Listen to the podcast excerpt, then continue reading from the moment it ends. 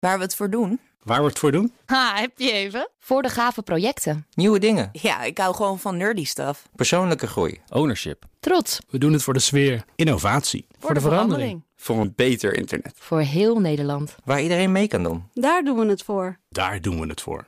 Waar doe jij het voor? Kom werken voor KPN en groei op jouw manier. Check de actuele vacatures op het gebied van data, security, development en networking op jobs.kpn.com/tech. BNR Digitaal wordt mede mogelijk gemaakt door Orange Cyber Defense. Orange Cyber Defense. Build a safer digital society. BNR Nieuwsradio. Digitaal. Mark Beekhuis. En welkom bij BNR Digitaal. Straks meer over hoe heel veel rekenkracht wordt ingezet bij het onderzoek naar het coronavirus. Eerst gaan we het hebben over clouddiensten. We gebruiken ze steeds meer, ze worden ook steeds belangrijker. Maar toezicht op de informatiebeveiliging en de continuïteit van die bedrijven achter de diensten, ja, die is alleen achteraf, dat toezicht. En dat moet uh, misgaan voor het agentschap. Het moet eigenlijk eerst misgaan voor het agentschap Telecom daarnaar mag kijken. Moet anders, vindt de directeur-hoofdinspecteur Angeline van Dijk. Welkom. Goedemiddag, meneer Beekhuis. Ja, uh, laten we beginnen bij het begin, want u vindt dat het moet veranderen. Maar waar hebben we het eigenlijk precies over? Want cloudbedrijven, dat kan heel veel betekenen. Nou ja, cloudbedrijven, het is een hele jonge industrie, hè, is het eigenlijk uh, nog. Maar we worden steeds afhankelijker van de cloud. En uh, ja, cloud is een onlosmakelijk onderdeel geworden van onze generieke digitale infrastructuur. Ja, maar voor we daar precies de details in gaan, welk soort, soort bedrijven telt u mee, wat niet? Is een, een e-maildienst ah, online, is dat een cloud? Of is het nou, echt het opslaan van bestanden ergens? Het, een, uh, nee, het is, uh, dat was zoals men vroeger dacht, het opslaan van bestanden. Maar het zijn grote mondiale bedrijven waaraan je kunt denken, uiteraard, zoals Microsoft en Amazon. Maar ook kleinere bedrijven, hier gewoon in Nederland gevestigd, die een platform bieden waarop je ICT-infrastructuur kan draaien en je software. En eigenlijk zo bieden ze een heel bedrijfsdienstverleningspakket en kun je je hele service als bedrijf en als consument eigenlijk outsourcen naar zo'n clouddienstverlener. Dus bijvoorbeeld uh, bij BNR hebben we onze roosters in een website. Ik denk dat dat niet bij onszelf gehost is. Dat is vast ergens een ander bedrijf wat dat voor ons regelt. Dat is ook een cloudbedrijf. Dat zou kunnen, ja. ja. ja, ja. Dat, ja. Zijn er nog andere exotische zeker. voorbeelden waar je niet meteen aan zou denken, maar die er toch bij horen? Nou, bijvoorbeeld uh, heb je het over uh, cloudpakketten voor scholen, uh, op universiteiten om online te kunnen studeren en leren. Maar ook ziekenhuizen die hun elektronische patiëntendossiers hebben draaien op clouddiensten. Dus je komt het eigenlijk overal tegen. En daarom hebben wij ook geconstateerd dat die cloud zo'n onlosmakelijk onderdeel is geworden van dat hele netwerk. Dat we daar graag proactief op toezicht op uh, zouden willen hebben. Ja, er wordt vaak gesproken over kritieke digitale infrastructuur. Uh, als het er niet meer is, dan heeft de maatschappij er echt last van. Hoort het daarbij inmiddels? Zeker. Zeker. Ja. Niet alles waarschijnlijk, maar sommige stukken. Nee, niet alles. Hè. Kijk, uh, als het over een platform gaat, wat gebruikt wordt voor uh, computerspelletjes kun je wel zeggen, ja, uh, enorm jammer, uh, ook voor mijn eigen zoons, als dat uitvalt. Maar dan is daar niet een kritieke situatie meteen. Alhoewel wellicht in deze tijd dat wellicht wat anders wordt anders zijn. gevoeld nu, ja, precies. ja, precies. E exact. Dus, maar het gaat natuurlijk dan met name over als er echt een enorme impact is en ontwrichting kan plaatsvinden. Uh, nou, kijk maar bijvoorbeeld nu naar elektronische patiëntendossiers. Als uh, die dienst niet geleverd kan worden of er is een verstoring, kan dat in deze tijd enorm lastig zijn. Sowieso al. Ja. Maar uh, een willekeurig voorbeeld. En u houdt daar wel toezicht op. Dat is allemaal via Europese regelgeving in onze Nederlandse wet terechtgekomen. Uh, wat, wat doet u nu? Hoe werkt het op het ogenblik? Nou, misschien is het even goed te zeggen dat eigenlijk uh, pas sinds november 2018 die Europese wetgeving is vertaald in Nederlandse wetgeving. En wij zijn als agentschap Telecom nu net één jaar aan de slag uh, met dat uh, toezicht op die clouddiensten. Dus we hebben ook geconstateerd in ons jaarverslag 2019, dit jaar is even overziend, dat we zien dat de impact van clouddiensten en ook het gebruik ervan enorm is toegenomen. De cloud is eigenlijk cruciaal. Ja. en in die zin hebben we daar ook met andere lidstaten over gesproken binnen Europa. En ook wel met de sector. En zo kom je eigenlijk tot de conclusie. als je van betekenis zou willen zijn. Uh, en die digitale ontwikkelingen gaan nu gewoon eenmaal snel. En die zijn dynamisch. En je wil aan de voorkant komen. En niet uh, als er een probleem is, dan pas optreden. Maar juist aan die voorkant. Dan zou je eigenlijk proactief toezicht moeten hebben. Ja, want op het ogenblik, als, het, als er nu iets misgaat, daar heeft u zelf eigenlijk geen zicht op. Iemand moet een klacht indienen of hem zeggen: bij ons is het melding. misgegaan. Een melding doen, ja, precies. Een melding. Wij kunnen alleen een onderzoek starten bij een clouddienstverlener, uh, conform de wet, als er een officiële incidentmelding is. En uh, nou ja, uh, de lat zijn best hoog, incidenten. om af en toe een incident, om een incident te melden. Dat hoeft niet meteen bij elk incidentje. Dat, daar moet wel iets misgaan. Nee, die, eh, die uh, melddrempel is heel hoog. Uh, dat is ook in Europa destijds, jaren geleden, ook zo bepaald. een voorbeeld is uh, dat er een uitval van je clouddienst moet zijn over meerdere lidstaten heen. en dan dat er meer dan 5 miljoen gebruikersuren uh, niet beschikbaar zijn, om een voorbeeld te noemen. Dat is een hele hoge drempel. Ja. En destijds konden we daarmee uit de voeten. Jonge industrie, niet innovaties en ontwikkelingen in de weg laten staan. Maar uh, tijden zijn veranderd. En nou ja, dan kom ik weer terug ja. op hoe cruciaal die cloud eigenlijk is. Nou precies, en die heeft dat een jaar nu uh, in portefeuille. En na een jaar blijkt eigenlijk die, die, ja, de manier waarop er nu toezicht gehouden wordt, is eigenlijk te licht. Maar waar blijkt dat eigenlijk uit? Behalve natuurlijk dat het heel erg omvangrijk is, dat iedereen het de hele dag gebruikt. Maar niet alles is, is uh, ja, essentieel natuurlijk dat het doorloopt. Waar hadden we het net al over. Waaruit blijkt nou dat, u, ja, dat het toezicht toch zwaarder zou moeten, naar uw gevoel? Nou, um, uh, het, het komt eigenlijk omdat we zeggen van daar waar het die kritieke infrastructuur uh, betreft, die vitale uh, uh, delen. en dat kan ook zo'n elektronisch patiëntendossier bijvoorbeeld zijn. Je ziet dat er allerlei ontwikkelingen zijn. Een aantal jaren geleden zaten we ook nog niet met, met z'n allen zo bovenop bijvoorbeeld cyberveiligheid. En eigenlijk zou je bijvoorbeeld met zo'n cloud-dienstverlener ook afspraken willen maken aan de voorkant proactief om extra maatregelen te nemen, bijvoorbeeld in aanzien van detectie en opsporing. Uh, dat kunnen we nu niet. Uh, uh, als we dat doen, kan dat alleen als er een incident geweest is. En dus achteraf. Ja, u dus kan ze natuurlijk wel uitnodigen voor een kop koffie. Hè? Zeggen, wij vinden dit heel belangrijk. Tuurlijk. dat zal u vast ook wel doen. En dat doen wij. En wij leren ook natuurlijk in, na dit jaar ook, daar zijn we ook heel goed mee bezig, onze relaties kennen. we hebben gesprekken daarover.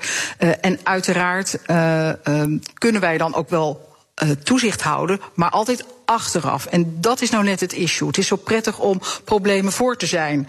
En uh, nou ja, je kunt maar beter de put dempen voordat het kalf uh, verdrinkt. Omdat het effect van een verstoring in die cloud, ja, uh, die kan enorm zijn en die impact is groot. U bent hier heel erg voor. Wat vinden die bedrijven zelf eigenlijk? Zijn die toe aan toezicht door onder andere uw autoriteit? Nou, dat kan ik niet zo één op één uh, zeggen. Ik oh, u zei net, we hebben heel goed kennis gemaakt ja, met al die bedrijven. Ik, ik dacht, u weet ja. Ik heb ze niet persoonlijk dit nu zelf uh, uh, gevraagd. Maar wij zijn wel in gesprek met de sector. En ik vind sowieso dat de telecomsector, de IT-sector... maar ook de clouddiensten... dat wij in Nederland enorm trots mogen zijn. Ook met name in deze tijd. Hoe we werken, samenwerken... En hoe um, er... Um, uh, nou ja, kwaliteit ja. geleverd wordt. Dus, um, maar u zegt, we zijn, mogen trots zijn in Nederland. Ik denk bij al die clouddiensten ogenblikkelijk aan Amazon, waarschijnlijk de grootste in de wereld. En Microsoft, een van de grootste. Google. Google Docs is natuurlijk ook gewoon een clouddienst. Ja. Uh, de meeste van de dingen waar we trots op zijn, halen we misschien toch uit het buitenland. En kan u daar vanuit Nederland dan toezicht op houden? Dat zul je toch uh, ook op Europees niveau moeten doen. Daarom maken wij hier ook afspraken over met elkaar. En zijn wij niet alleen als Nederland, maar ook andere lidstaten uh, uh, inmiddels uh, aan de slag om na te denken over dat invoeren van het proactief toezicht. Maar het zijn niet alleen die grote bedrijven. Hè, dat wil ik wel even benadrukken. Het zijn ook gewoon bedrijven hier in Nederland die dergelijke bedrijfsdienstverleningspakketten aanbieden en die service bieden, die ook weer een enorme impact kan hebben op het moment dat dat uitvalt. Ja, dus, dus we hebben het al een paar keer zo in een bijzinnetje eventjes Europa voorbij horen komen. U bent natuurlijk van het Nederlandse agentschap. Wat vinden uw Europese collega's? Zien die dit ook als een speerpunt voor de komende tijd? Ja, daar zijn wij over in gesprek en uh, wij trekken samen met hen, uh, hen op. Want het is Europese wetgeving, hè? Dus waarschijnlijk moet het ook in Europa weer veranderd worden. Klopt, en dat is een project, uh, dat is, sorry, dat is een traject van lange adem. Uh, maar uh, we hebben dit aanhangig gemaakt met een aantal andere lidstaten in onze nou ja, overleggroep daarover. En dat kan mogelijk leiden inderdaad tot aanpassing ook van die verordening en uiteindelijk ook weer tot wet en regelgeving. Maar kijk, kijk wij, wij blijven er hier op hameren, uh, zowel binnen Europa, maar ook in eigen huis en in eigen land. Omdat mensen vaak helemaal niet beseffen, bedrijven, consumenten, wat het effect kan zijn op het moment dat die cloud uitvalt. En je ziet steeds meer dat uh, de samenhang in die ketens tussen de cloud, artificial intelligence, Internet of Things, hoe dat praat via telecom, dat soort ketens en dat soort systemen en dat soort risico's in kaart brengen. Ja, dat, daar zijn wij voor als agentschap Telecom. Uh, en daarom zijn we ook uh, op het moment dat we denken van hé, hey, dat kan scherper, dat kan beter. We willen uh, aan de voorkant komen. We willen uh, vaste relaties opbouwen uh, met die clouddienstverleners. We willen kunnen binnenkomen. Niet alleen per toeval omdat er een incident is, maar gewoon proactief ook op, die, op, op de koffie. programmatisch met hen afspraken maken. Ja, maar mag ik dan, dan ben je problematiek voor. Ja, een van de doelen die benoemd wordt in het jaarbericht wat u geschreven heeft, is dat de digitale weerbaarheid van die cloudbedrijven zou moeten verbeteren. En eigenlijk lees ik die zin ook een beetje als op het ogenblik is die gewoon nog niet goed genoeg. Misschien bij die hele grote wereldomspannende bedrijven wel, maar bij die kleinere misschien nog niet. Is een, lees ik dat goed? Nou, je, dat kun je, uh, uh, uh, ja, dat, zo zou je dat kunnen zeggen. Hè. grote bedrijven hebben. Nou ja, kijk, ik kan u nu niet op één op één noemen, god, het is dat bedrijf of dat bedrijf. Nee, maar wij nee. maken ons daar wel zorgen over. En daarom noemde ik ook niet voor niks dat voorbeeld over die cyberveiligheid. En extra maatregelen bijvoorbeeld die je zou moeten nemen ten aanzien van uh, detectie en, uh, en opsporing. Uh, ja, daar zie je af en toe wel hiaten zie je daarin. En kijk, wij kijken iedere keer naar opzet en werking van de informatiebeveiliging en, en die continuïteit. En als er een incident plaatsvindt, hoe snel heb je dan als clouddienstverlener, eh, krijg je het weer op orde? Ja. Uh, en uh, nou, als dat uh, niet het geval is, ja, dan, kunnen wij, dan kunnen wij optreden. Maar ik treed liever op ja, liever voordat een incident. Dan achteraf, ja, natuurlijk. Dan, ja, tuurlijk. Dus vandaar. Helemaal logisch. Angeline van Dijk, directeur, hoofdinspecteur bij Agentschap Telecom. Hartelijk dank. Digitaal. En in BNR Digitaal gaan we het hebben over het datacentrum van het NICEF, het Nationaal Instituut voor Subatomaire Fysica. Normaal gesproken houden ze zich daar bezig met onderzoek naar deeltjesfysica en zwaartekrachtsgolven. En daar hebben ze stevige computers voor nodig met een enorme rekenkracht. En hun zogenaamde rekencluster is vernieuwd, uitgebreid en moet voor het gebruikt kan worden eerst even worden getest. En dat doen ze niet door te rekenen aan zwaartekrachtgolven, maar aan het coronavirus. Daar ga ik over praten met Tristan Zurink. Goedemiddag. Goedemiddag. IT-architect bij het NICEF. Misschien, want de meeste mensen het NICEF toch niet echt kennen. Uh, wat, doen, wat doet dat instituut op een gewone dag, behalve zwaartekrachtgolven doorrekenen? Wat wij op een normale dag doen is, onze doelstelling is om de kleinste deeltjes waar alles uit bestaat te ontdekken, te categoriseren, weten waar het bestaat, hoe ze functioneren. Fundamenteel natuurkundig onderzoek. Ja, ja, fundamenteel natuurkundig onderzoek. Zeg maar de grote Lego-doos waar alles uit bestaat. Die Mooi. proberen wij compleet te krijgen. En daar ben je IT-architect. Uh, wat doet een IT-architect in zo'n bedrijf? Of in zo'n organisatie? Nou ja, onze wetenschappers zitten op de, op de rand van wat technisch mogelijk is. Maar ja, die wordt natuurlijk ook uh, bijzondere IT-problemen. Van nou, in het begin van het jaar was bij jullie op bezoek om te praten over een experiment wat we in een berg in Italië hebben staan. Ja, uh, je zit daar in een grot met heel veel bijzonderheden, maar je wilt wel je data daar kunnen, betrouwbaar kunnen verwerken. Dus ik help, ik help ze daarbij om daar oplossingen voor te brengen die passen binnen budget, maar ook. Na te denken uh, hoe de computer eruit moet zien. Hoe de computer moet uitzien, wat welke factoren belangrijk zijn. Uh, en alles wat erbij hoort. Hey, jullie hebben nu een fors datacentrum. Dat hebben jullie sowieso over uh, die hele zware berekeningen die aan al die data mm -hmm. moeten gebeuren. Daar wordt nu getest. Uh, daar gaan we het zo over hebben. Eerst even, uh, valt er in gewone mensentaal te beschrijven, in gewone mensentaal te beschrijven hoe die uitbreiding eruit ziet, die er nu bij komt, of erbij ingezet is al? Het zijn vier zeg, grote koelkasten vol uh, met machines. Ja. Elke kast zitten 16 machines. Het zijn uh, voor de techneuten onder ons, het zijn Lenovo SR655 machines. Elk heeft 64 rekenkernen. AMD-rekenkernen voor de totaliteit. En het zijn eigenlijk gewoon grote ja, zwarte dozen waar heel veel uh, ja, rekenkracht in zit. En om een idee te geven hebben we 3800 rekenkernen neergezet. En dat is een beetje vergelijkbaar met de rekenkracht van ongeveer 2000 laptops. Dat is gewoon een hele, hele zware laptop als je het zo Mag ik hem supercomputer noemen? Um, technisch is het geen supercomputer, omdat we, we hebben hem anders ontworpen. Dus nu maakt je me nieuwsgierig. Want het klinkt wel als iets wat super zwaar uh, als computer is. Maar voor ja. een supercomputer moet je nog aan bepaalde eisen voldoen? Om het een supercomputer te noemen, een supercomputer kan aan één taak um, over heel veel machines tegelijk rekenen. Bijvoorbeeld uh, het weer voorspellen is één hele grote taak waar je heel veel computers nodig hebt om te bepalen of het morgen wel of niet gaat regenen. Ja. Wat wij doen is het omgekeerde. Wij knippen onze taak in kleine stukjes. Elk computer krijgt een aantal van die stukjes en die kan hem onafhankelijk berekenen. Ah, ja, natuurlijk. Dus het is eigenlijk gewoon hoe de structuur van de computer aan de binnenkant is, die maakt dat het dat niet is. Um, dit ja. is een uitbreiding, die vier kasten die je net beschrijft. Uh, mm -hmm. Hoe is dat in vergelijking met wat er al stond? Is het een verdubbeling? Wij hebben op dit moment iets van 8000 rekenkernen staan, waarvan er 2000 uit productie gaan. Nou ja, waar dit te vervangen, ja. 2000 zijn vrij oud, dus die gaan uit productie op het moment dat dit in productie gaat. Dus laten we zeggen dat we het ongeveer een derde bij hebben bijgezet. Ja, straks. dat is een, is een uh, redelijke upgrade van de computers. Ja. En jullie gaan hem testen, niet op uh, het eigen project, maar op uh, deelname aan het Rosetta at Home project. Die rekenclusters die rekenen aan eiwitstructuren. En dat heeft te maken met het uh, coronavirus. Nou, dan zal ik maar, der, die disclaimer moet er tegenwoordig altijd bij. Je bent natuurlijk geen viroloog.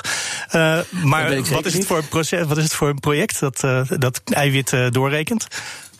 Uh, Rosetta Home bestaat als project al sinds 2005. Het is een project van de Universiteit van Washington. En wat ze al de afgelopen 15 jaar doen, is eiwitten doorrekenen die wat te maken hebben met bepaalde uh, ziektes, zoals malaria of HIV of Alzheimer. En omdat nu natuurlijk uh, corona een acuut probleem is voor de wereld, zijn ze ook op corona gedoken. Wat ze eigenlijk doen is. Uh, je hebt, op een eiwit kan je op verschillende manieren kan je andere eiwitten aan vastplakken. Dat is een beetje wat ik heb begrepen. En nu willen dus berekenen van hoe moet een eiwit eruit zien, wat dus op zo'n eiwit kan inhaken. En daar zou je dan iets mee kunnen als je een, misschien een medicijn wil maken? Ja, zoals je een medicijn wil maken, kan je dus bijvoorbeeld een eiwit maken die al inhaakt op de plek waar corona normaal gesproken inhaakt op het eiwit wat in je lichaam voorkomt. Ja. En op die manier kan je dus uh, zeg maar de, de toegang blokkeren, dus, zodat corona op je, nou ja, op die betreffende eiwitten zijn uh, ja, slechte dingen kan doen. Ja, ja precies. Uh, en iedereen kan ook met dat Rosetta at Home meedoen. Hè? Dat kan je gewoon installeren ja. op je computer. En als de screensaver ja. aangaat, gaat dat staan rekenen op de achtergrond. Uh, en jullie hebben gewoon gezegd, nou dan doen we gewoon altijd de screensaver aan. Uh, ga maar rekenen.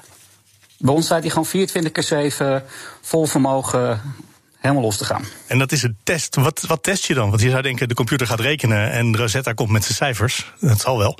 Of is het, valt hij nog. Wat kan je zien tijdens een testperiode? Uh, wat, waar het ons om gaat is, wij willen het, het, ons, ons rekencluster willen op vol vermogen kunnen testen. Je kan natuurlijk zeggen van, ik neem een dummy load om, om te zeggen van, nou, die processoren moeten maximaal vermogen en het netwerk moet maximaal vermogen. Maar die Rosetta, Rosetta at Home ons effectief hetzelfde. En wat wij daarmee testen is, uh, zijn alle onderdelen van de computers gewoon goed. Want je krijgt altijd natuurlijk, kan je hebben dat een paar onderdelen niet goed uit de fabriek zijn gekomen. Het andere is ook, we testen ook meteen de stroom en de koeling van de omgeving waar het in staat. Zodat je weet op het moment dat je in productie gaat, dat je daar geen problemen mee krijgt. Dat hij niet oververhit raakt.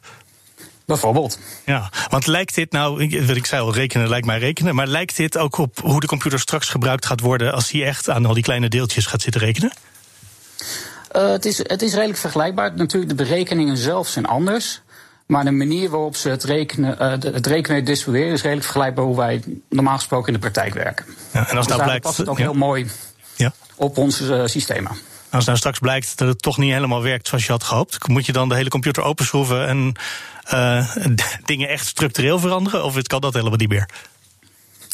Nou ja, we hebben natuurlijk al de hardware gekocht. We kunnen hier en daar natuurlijk nog wel een beetje tunen en tweaken. Mm -hmm. Maar zoals nu, we hebben het nu draaien sinds vrijdagmiddag. En het ziet eruit dat in ieder geval alles vrij uh, goed en uh, zorgvuldig uh, zijn ding doet. Tot nu toe gaat het stabiel en hoef je niet al te vaak te herstarten. Ja. We hebben nog nul keer heel ver starten nog, gelukkig. Oh, nou, hier. Um, dit is dus eigenlijk gewoon rekentijd in een best grote computer die over is. is dat, gebeurt dat vaker eigenlijk? Dat je zo denkt, je denkt, nou, we hebben nog tijd over?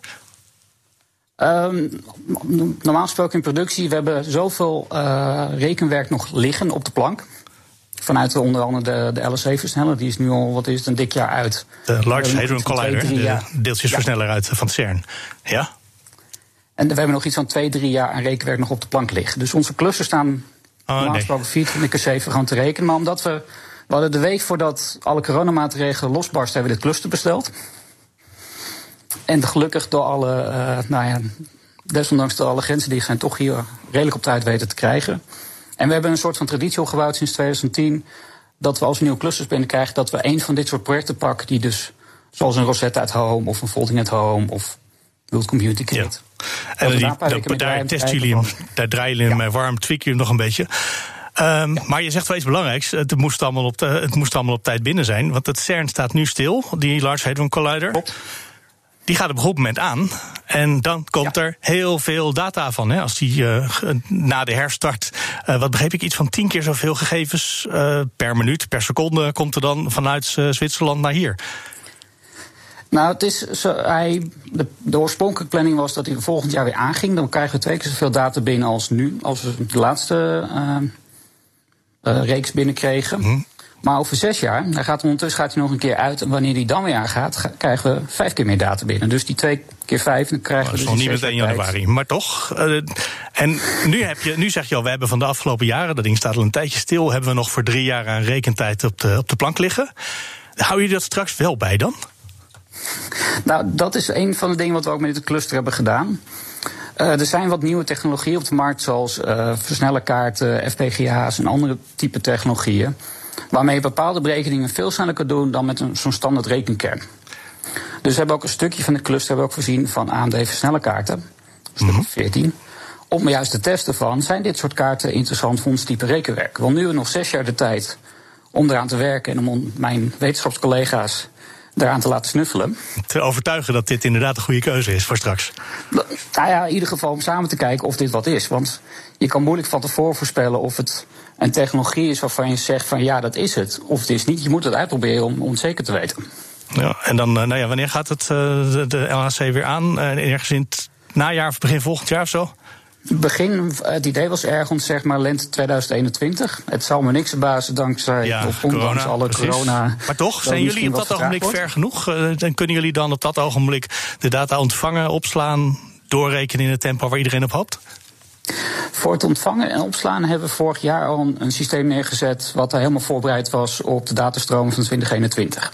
Dus op dat gedeelte zijn we voorbereid. Op het rekengedeelte ja. hadden we zoiets van voor dit jaar zorgen we genoeg, zorgen ervoor dat we in ieder geval genoeg hebben staan om dit jaar een stuk voor volgend jaar mee te pakken. En dan kunnen we altijd volgend jaar kijken van hoeveel is het nou echt. En dat we daarop verder doorbouwen. En daar zit uh, corona misschien een beetje in de weg. Maar ik kan me voorstellen dat je zo'n computer ook op afstand uh, goed kan tweaken. Um, nou, ik ben nee? van mijn enige collega's die wel fysiek in het pand is, omdat ja, je kan, moeilijk in, je kan moeilijk op afstand in een computer gaan sleutelen.